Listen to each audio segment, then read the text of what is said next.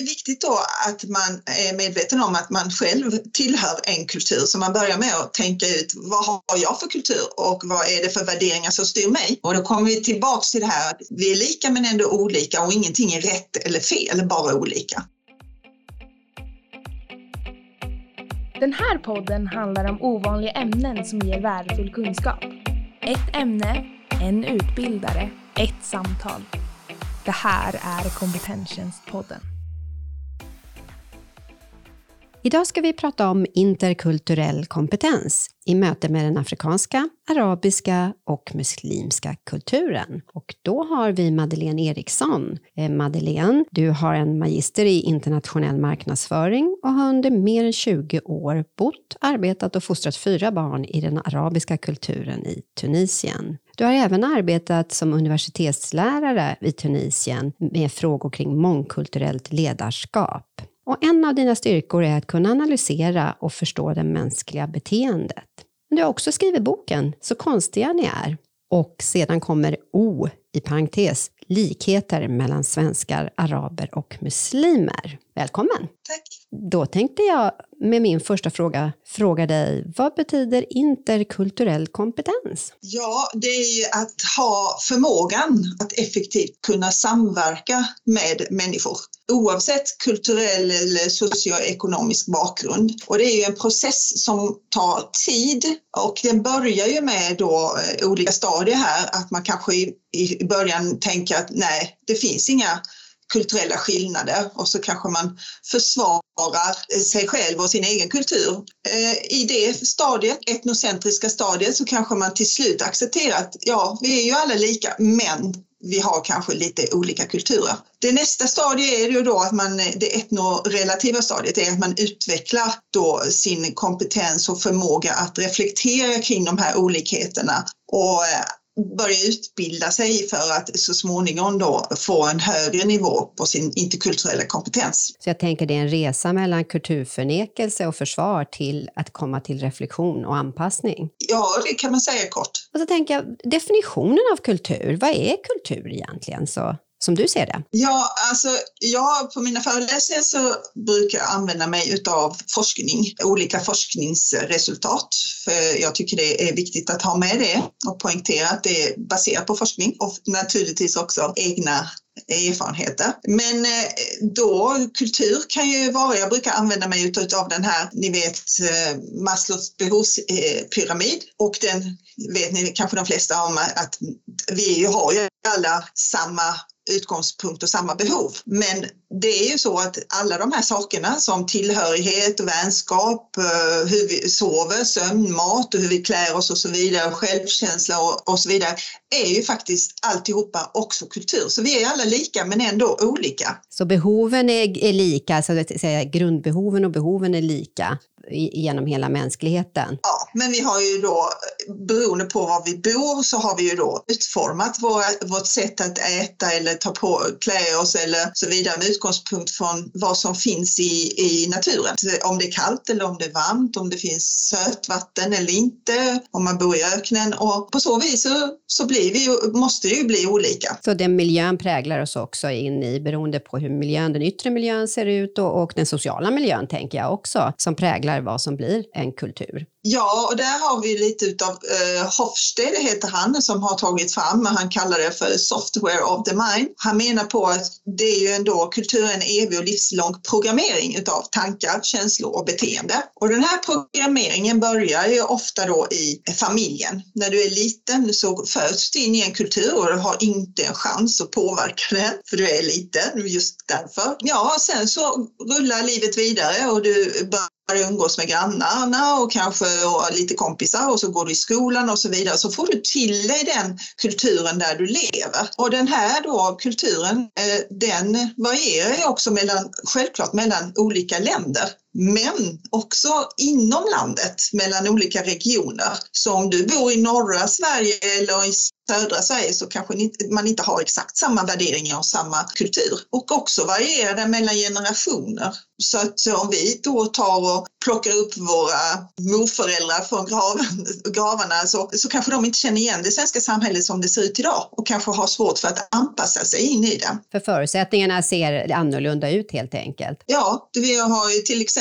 mobiltelefoner, det fanns ju inte på den tiden. Problem nu, vi tänker ju miljöfrågor och så vidare. Eh, olika sätt att uttrycka oss och klä oss och så vidare. Hur förhåller man sig då till de här olika kulturerna? Ja, det är viktigt då att man är medveten om att man själv tillhör en kultur. Så man börjar med att tänka ut vad har jag för kultur och vad är det för värderingar som styr mig? Då brukar jag använda mig av ett kulturellt isberg som har tagits fram av Edvard T. Hall. Och han menar ju på det att allting som är ovanför vattenytan, det, det, är ungefär 10 procent, det är det som är synligt i en kultur. Det är det hur vi beter oss. Det som jag pratat om nu, hur vi sover, hur vi äter, hur vi klär oss och så vidare. Men sen när man går under vattenytan så börjar man då upptäcka att det här synliga påverkas utav våra tankar, våra normer och hur vi uppfattar saker och attityder och så vidare. Men längst ner under vattenytan så är det ju de här värderingarna som vi kanske aldrig har ifrågasatt eller tänkt på varför jag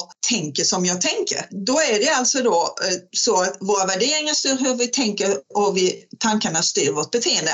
Alltså måste man gå ner under vattenytan för att förstå. Vad är sanning till exempel? Är sanning samma i alla kulturer? Är det så att vår vita lögn, är det så att det, alla förstår vad vi menar med det till exempel? Skrattar vi åt samma saker? Tycker vi samma saker är vackert? Njuter vi på samma sätt? Är vi trygga på samma sätt? Är vi rädda för samma saker? Vad är jämlikhet? Vad är demokrati? Och vad är normalt? Och det brukar mina döttrar ofta fråga mig eller säga till mig att mamma du är inte normal. Då svarar jag dem, men kan ni vara vänliga och definiera ordet normal? Och då blir de trötta på mig. Ja, för det är ett svårdefinierat begrepp. Vad är normal? Men här säger du ju väldigt många viktiga saker som vi tar för självklara eller för givna när vi lever i en kontext, en kultur. Ja, och det är det som är grejen, att vi tänker inte på hur vi tänker, om man säger så. Eftersom det är de här osynliga värderingarna eh, som styr oss, hur vi, vad vi tycker är tabu och vad vi får säga och inte säga och så vidare. Så vad händer när kulturer möts och krockar med varandra?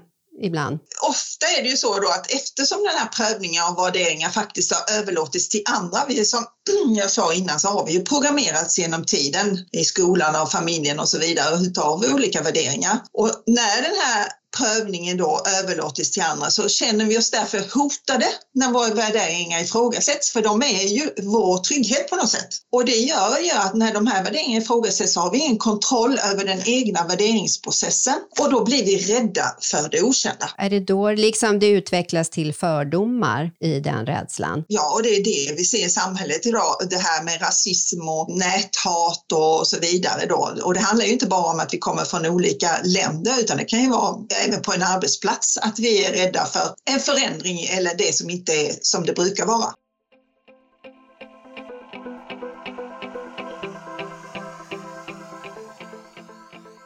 Vad skulle du säga att en fördom är? Vad är en fördom egentligen? Ja, det, det är en svår fråga faktiskt. Det beror väl på dig själv, hur du ser på saker och ting. Om man tänker så här, man faktiskt ska kunna utmana sina fördomar som egentligen är de du har själv. Och då måste man ju sätta sig ner och tänka först, vad har jag för fördomar? Vad är, de?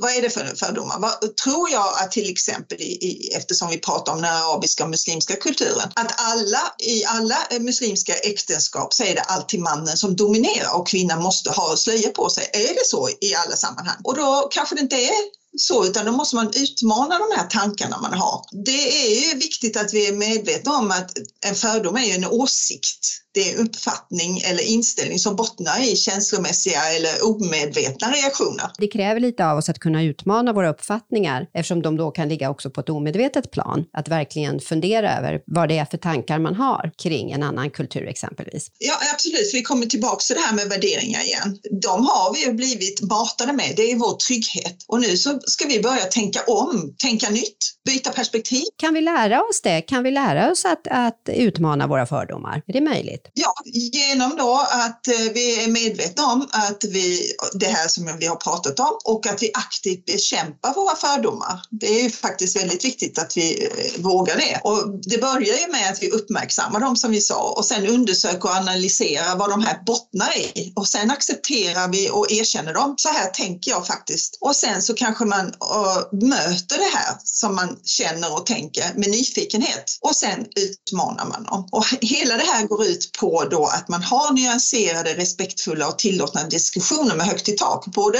med andra och med sig själv. Har du något exempel på hur det här ser ut när man utmanar och bearbetar sina fördomar? Ja, då brukar jag använda ett verktyg utav eh, Hofstede som jag pratade om innan. Han har sex eh, kulturella dimensioner som han har forskat fram och eh, det utgår på då från hur man ser till exempel på makt. Jag kallar det här för motiv för det handlar om hur man ser på makt, hur man ser på osäkerhet hur man ser på tid, hur man ser på individualism och då hur vi uppfattar varandra. Är vi då feminina eller, feminint eller maskulin dimension eller index? Krockarna består ju ofta då av att eh, man har eh, olika maktdistansindex. Till exempel är vi väldigt platta i vårt sätt att se på saker och ting samtidigt som vi är världens mest feminina kultur. Det betyder att vi är väldigt empatiska och tycker synd om och vill ta hand om. De som kommer hit från de afrikanska, muslimska och eh, arabiska kulturerna är mer hierarkiska och där man är van vid att någon talar om exakt vad man ska göra, får lov att göra och inte får lov att göra och där det finns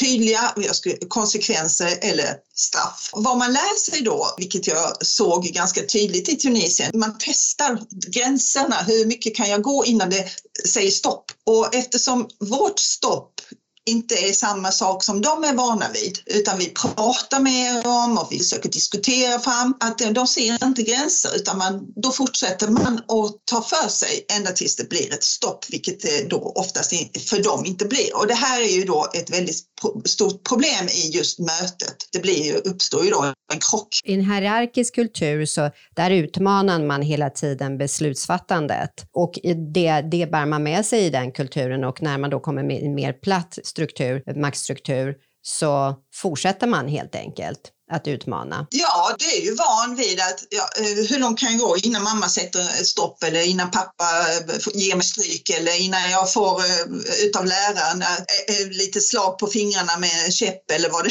är de gör. Och då är det ju så att ja, men då har man ju lärt sig att hit, men inte längre kan jag gå. Så tydliga liksom riktlinjer och, och, och att rätta sig efter är det som man är van vid? Just det, och man känner sig trygg i det, för det var ju det vi pratade innan om att det är ju en värdering man är van vid som man känner sig trygg i, som är självklar och naturlig. Och då kommer vi tillbaks till det här att vi är lika men ändå olika och ingenting är rätt eller fel, bara olika.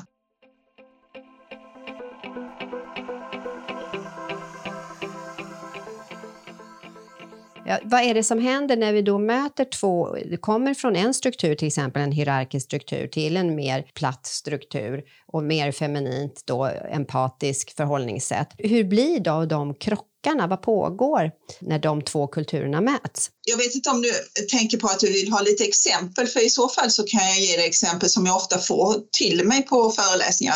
Det här med att ha slöja eller inte ha slöja och be på arbetsplatsen eller, eller det unga flickor som vägrar delta i idrott för att det är pojkar som är med eller man inte vill ha psykiatrisk eller psykologisk hjälp och sådana här saker. Eller en pojke som dyker upp på ett möte som gäller hans yngre syskon och säger att det är han som bestämmer i familjen och mamman är ensamstående och det finns ingen pappa. De här sakerna förstår man inte och då blir det väldigt svårt. Och hur ska jag handskas med den här pojken eller hur ska jag handskas med den här kvinnan som ber på arbetsplatsen? Då har jag ett annat verktyg som jag kallar för kulturverktyget och där ska man ju då börja med att notera vad det är som gör att man tycker det här är jobbigt och ställa sig frågan varför? Varför är det ett problem? För vem är det problem och i vilka sammanhang är det ett problem? Och det här måste man göra väldigt djupgående och eh, verkligen fråga sig frågan varför hela tiden. För det kan vara så att det är egentligen inget fysiskt problem men ett, mer ett mentalt problem. Man irriterar sig på att någon ber och får mer pauser eller att man går in på toaletten och ska tvätta av sig, vilket man måste göra då alla tre gångerna på dagen man ber alltså under arbetstid. Man ber ju fem gånger under ett dygn och, och så blir det blött på toaletten och så går man in där och ser det. Så irriterar man sig på det. Då är det väldigt viktigt att man erkänner vad det är som egentligen är problemet och varför det är ett problem. Men kan det finnas en rädsla för att göra fel, bli kallad rasist eller inte vara politiskt korrekt? Ja, det är självklart. Jag var väldigt chockad när jag kom tillbaks till Sverige efter att ha bott i Tunisien alla mina år och upptäckte att det fanns något som heter PK, politiskt korrekt. Det tog mig ett bra tag innan jag förstod att man faktiskt, eh, kan man säga, självcensurerade sig i en demokrati. Det tyckte jag var chockartat eftersom jag hade själv bott i en diktatur. Och jag, jag kommer ihåg en situation och det var när jag kom upp till Stockholm och skulle ha en föreläsning och skulle köpa mig en biljett och i luckan där så satt det en man som såg ut som, ja, alltså som om han var från något arabiskt land. Så det där blev jag lite nyfiken på eh, och eh, sugen på att prata lite arabiska, min tunisiska arabiska då. Så jag frågade var han kom ifrån och innan han hann svara så var det en stockholmsk en dam eh, som stod bakom mig som började skälla på mig. Det har väl inte du med att göra, sa hon. Och varför frågar du det? Det är väl inte ditt problem. Men eh, jag blev så chockad så jag visste inte vad jag skulle säga. Jag bara tittade på honom, fick min biljett och sa några ord på arabiska och gick därifrån. Jag förstod inte vad det handlade om, men där har vi, det är ett problem att man inte får lov att prata om de här sakerna. För i tystnaden så odlas extremism. Hur bryter vi tystnadskulturen? vi måste vara väldigt uppmärksamma på just det som jag har sagt innan då, tillåtande men nyanserade och respektfulla diskussioner med högt i tak. Eh, annars odlas extremism på alla nivåer. Jag tänker, hur är det möjligt att genomföra? Hur ska man vara och hur ska man föra de här diskussionerna? Ja, man måste väl lära sig att det inte är någonting som är ja, farligt eller straffbart. Och framför allt då på en mångkulturell arbetsplats så är det ju ledarna som måste vara tydliga med att det, det finns inte straff för att man har en avvikande åsikt. Och det här ser vi ju i många olika sammanhang, inte bara i det här med eh, mångkultur. Just att man, man har, det är tillåtande och vi accepterar och är nyfikna på de andras eh, åsikter. Och är medvetna om att vi själva har eh, en, en kultur som kanske den andra parten tycker är väldigt konstig. Tänk att du faktiskt sätter fingret på också, för vi tittar oftast utåt och förstår andra kulturer. Men hur, hur, medvetna är vi om vår egen kultur? Nej, men det, då kommer vi tillbaka till det här med värderingar. Det är vi inte. Vi har ju kanske aldrig ifrågasatt dem. Alltså är det väldigt viktigt då att man börjar, allting i kulturmötet börjar med sig själv. Att förstå sig själv, det egna, det, de egna värderingarna. Och där har man ju det här som jag pratade om innan, motiv då, det här hur vi ser på makt hur vi ser på, är vi kollektiva eller vi är mer eh, individualistiska? Hur, hur ser vi på osäkerhet och så vidare? Där måste vi förstå hur vi är. Och om man då tar till hjälp, som många av er som lyssnar har eh, hört talas om, den här surveykartan, så, så är, ligger faktiskt då Sverige längst upp till höger på det väldigt extrema eh, värderingsutgångspunkter. Och det finns inte så många runt omkring oss där medan de som kommer hit ligger på den helt andra sidan, alltså har totalt motsatta eh, värderingar. Skulle du kunna ge exempel på de värderingarna så vi är med det om man inte känner till den här kartan? Så vilka värderingar pratar vi om då som är motsats till varandra? Ja, vi pratar ju om att bland annat då eh, så är vi då väldigt sekulära till exempel. Vi, har, vi tycker inte att religionen är så viktig. Vi har inte så starka familjeband. Vi accepterar inte makt och vi är, men vi accepterar däremot abort och skilsmässa och så vidare. Och vi är också då väldigt individuella där vi prioriterar miljöfrågor och har eh, homosexuella är vi väldigt då, har vi hög tolerans för, jämställdhetsfrågor är viktiga för oss och Eh, ja, då faktiskt fram till 2015 för finns det statistik på att vi har hög tolerans för invandrare, eller hade i alla fall då. Den motpolen då, de som kommer hit, det är precis tvärtom. De har traditionella värderingar där religionen är väldigt viktig. Man har starka familjeband, man accepterar makt och då är det ju Gud längst upp och sen så är det då diktatorn och sen är det pappa och sen är det mamma och sen har vi då, är man emot abort och så vidare och sen har vi då överlevnad värderingar. Man fokuserar ekonomisk och fysisk säkerhet och låg tolerans och förtroendenivå.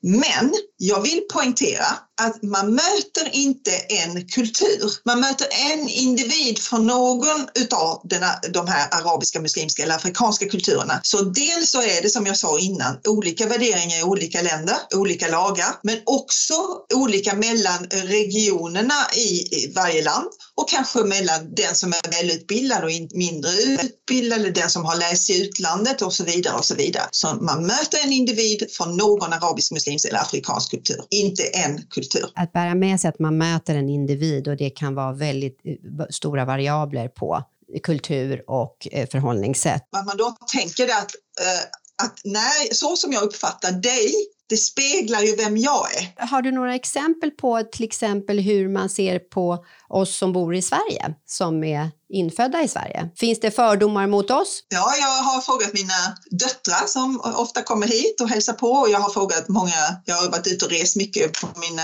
till mina föreläsningar och tagit taxi och det är oftast då, de som kör är ju oftast från de här kulturerna. Och sen har jag bekanta också som jag har frågat och det handlar väldigt ofta om att vi tycker att vi är tidspressade och eh, stressade i allmänhet kan man säga då. Och att vi kanske är tråkiga. Det var en gång min dotter, vi skulle fira jul i, i Sverige och mamma hon höll på att säga, ropa på alla att vi skulle hjälpa till och sådär. Så kom Sara till mig så viskade hon mina, mitt öra, mamma det här verkar inte bli en kul jul. För hon såg ju då den här stressen och det är hon inte van vid för att det är ganska sådär, ja, man, gör, man lägger, tar det lite enklare än eh, just att stressa fram att det måste, så många måsten. Hur vi, eh, att vi är lite naiva hör jag ofta också faktiskt. Så det finns även då fördomar mot, mot oss såklart. Så naiva, vi är stressade sa du? Eh, ja, vi är väldigt, eh, följer lagar och regler. Det är, är det så att det är att man ska källsortera till exempel, ja så källsorterar de flesta. Eller ska man stanna vid eh, övergångsställe så stannar man vid ett övergångsställe. Så det, det jag förstod utifrån kartan du beskrev så är vi rätt ensamma om eh, den eh, kulturen, så att säga, det förhållningssättet i samhället, även om det då skiljer sig inom landet. Och precis som du säger, jag vill hålla fast vid det, att vi är individer. Så att det är inte vi och de perspektiv, utan vi är faktiskt unika individer som har olika erfarenhet och präglas av olika kulturer såklart.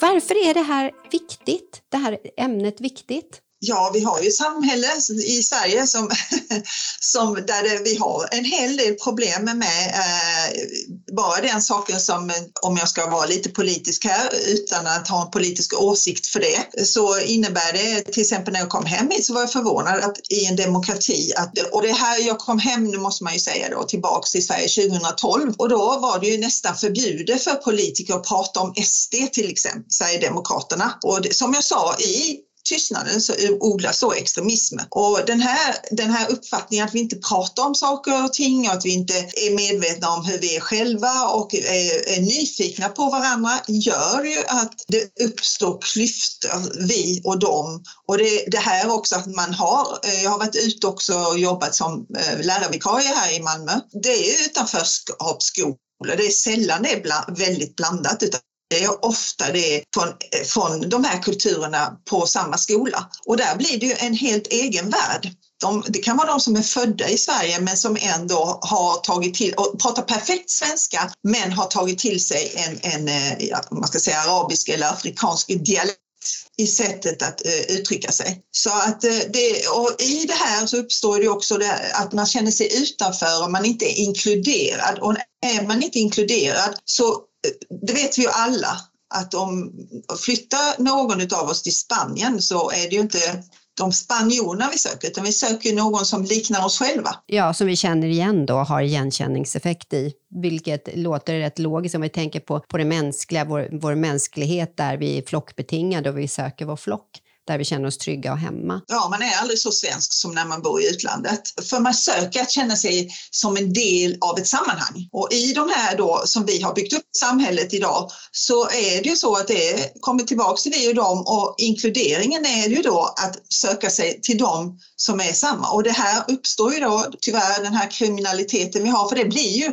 det blir ju ett sammanhang de känner sig som en del av någonting. Och det är eh, de som eh, börjar kanske be mer när man kommer till Sverige än vad man har gjort innan. Man kanske börjar ta på sig slöjan eh, även om man inte har gjort det innan. För som jag sa, man, blir, man är aldrig så svensk som när man bor i utlandet och det är samma för de som kommer hit. Det är ju, jag tänker just att den här vikten av, för jag hörde i skolan, på arbetsplatsen, där utspelar det sig. Så det är också viktiga platser att integrera och informera, mötas? Absolut, jag, jag, tycker det är väldigt eh, talande det som har hänt här nere. Eh, det, de flesta kanske känner till Rosengård, det är ett väldigt utsatt område här i Malmö. Och eh, så håller de på att bygga ett nytt område i Limhamn och där byggde de då så att man skulle ha hyreslägenheter och där Malmö kommun fick en stor del i de här, alltså 30 procent i varje byggnad, där de själva placerade folk med avvikande bakgrund. Och det här här blev ju ett stort ramaskri för att, eh, och så kallar de det för Rosengård by Sea för i Limhamn så är det då sjöutsikt. Det stod till och med i Expressen och Kvällsposten och det har gått eh, väldigt, har på väldigt mycket. Och det kanske är jobbigt just nu, men nästa generation det är då de som har bott här och deras barn har gått i skolan här, då börjar man bli en del av samhället och känna sig inkluderad. Mm, så integreringen är väldigt, väldigt viktig så att vi kan möta varandra, lära mer ifrån varandra och se att vi vi är kanske mer lika än olika i alla fall. Ja, eller att olikheten kan ju faktiskt också vara ett plus. För att det är ju eh, så att vi kanske då kan komma på nya kreativa idéer och tankar. Och de som gör forskar och även mångkulturella företag har ju faktiskt kommit fram till att det här är ju värdefullt att ha oliktänkande. Okej, okay, när man kanske anställer någon att man ska tänka på att man inte är alltför olika i värderingarna och att det är då företagets värderingar som styr. Så man måste jobba väldigt mycket med de egna värderingarna. Men sen då så, så ska man försöka mötas och då, då, då lär man sig att tänka ur olika perspektiv och se saker med nya ögon. Vilket gör ju att man blir mer flexibel, man blir mer dynamisk och mer kreativ, vilket då är bevisat. Ja, då skulle man kunna säga att ett plus ett blir tre. Så det blir, det blir liksom en förhöjning av de olika kulturerna till någonting nytt. Okej Madeleine, jag skulle vilja tacka dig för den här stunden att få prata med dig kring interkulturell kompetens. Tack så mycket. Utgivare av denna podd är Kompetenstjänst. Ett utbildningsföretag som erbjuder utbildningar och föreläsningar för fortbildning inom offentlig sektor. Så missa inte den korta versionen av detta avsnitt för ännu mer tips och kunskap.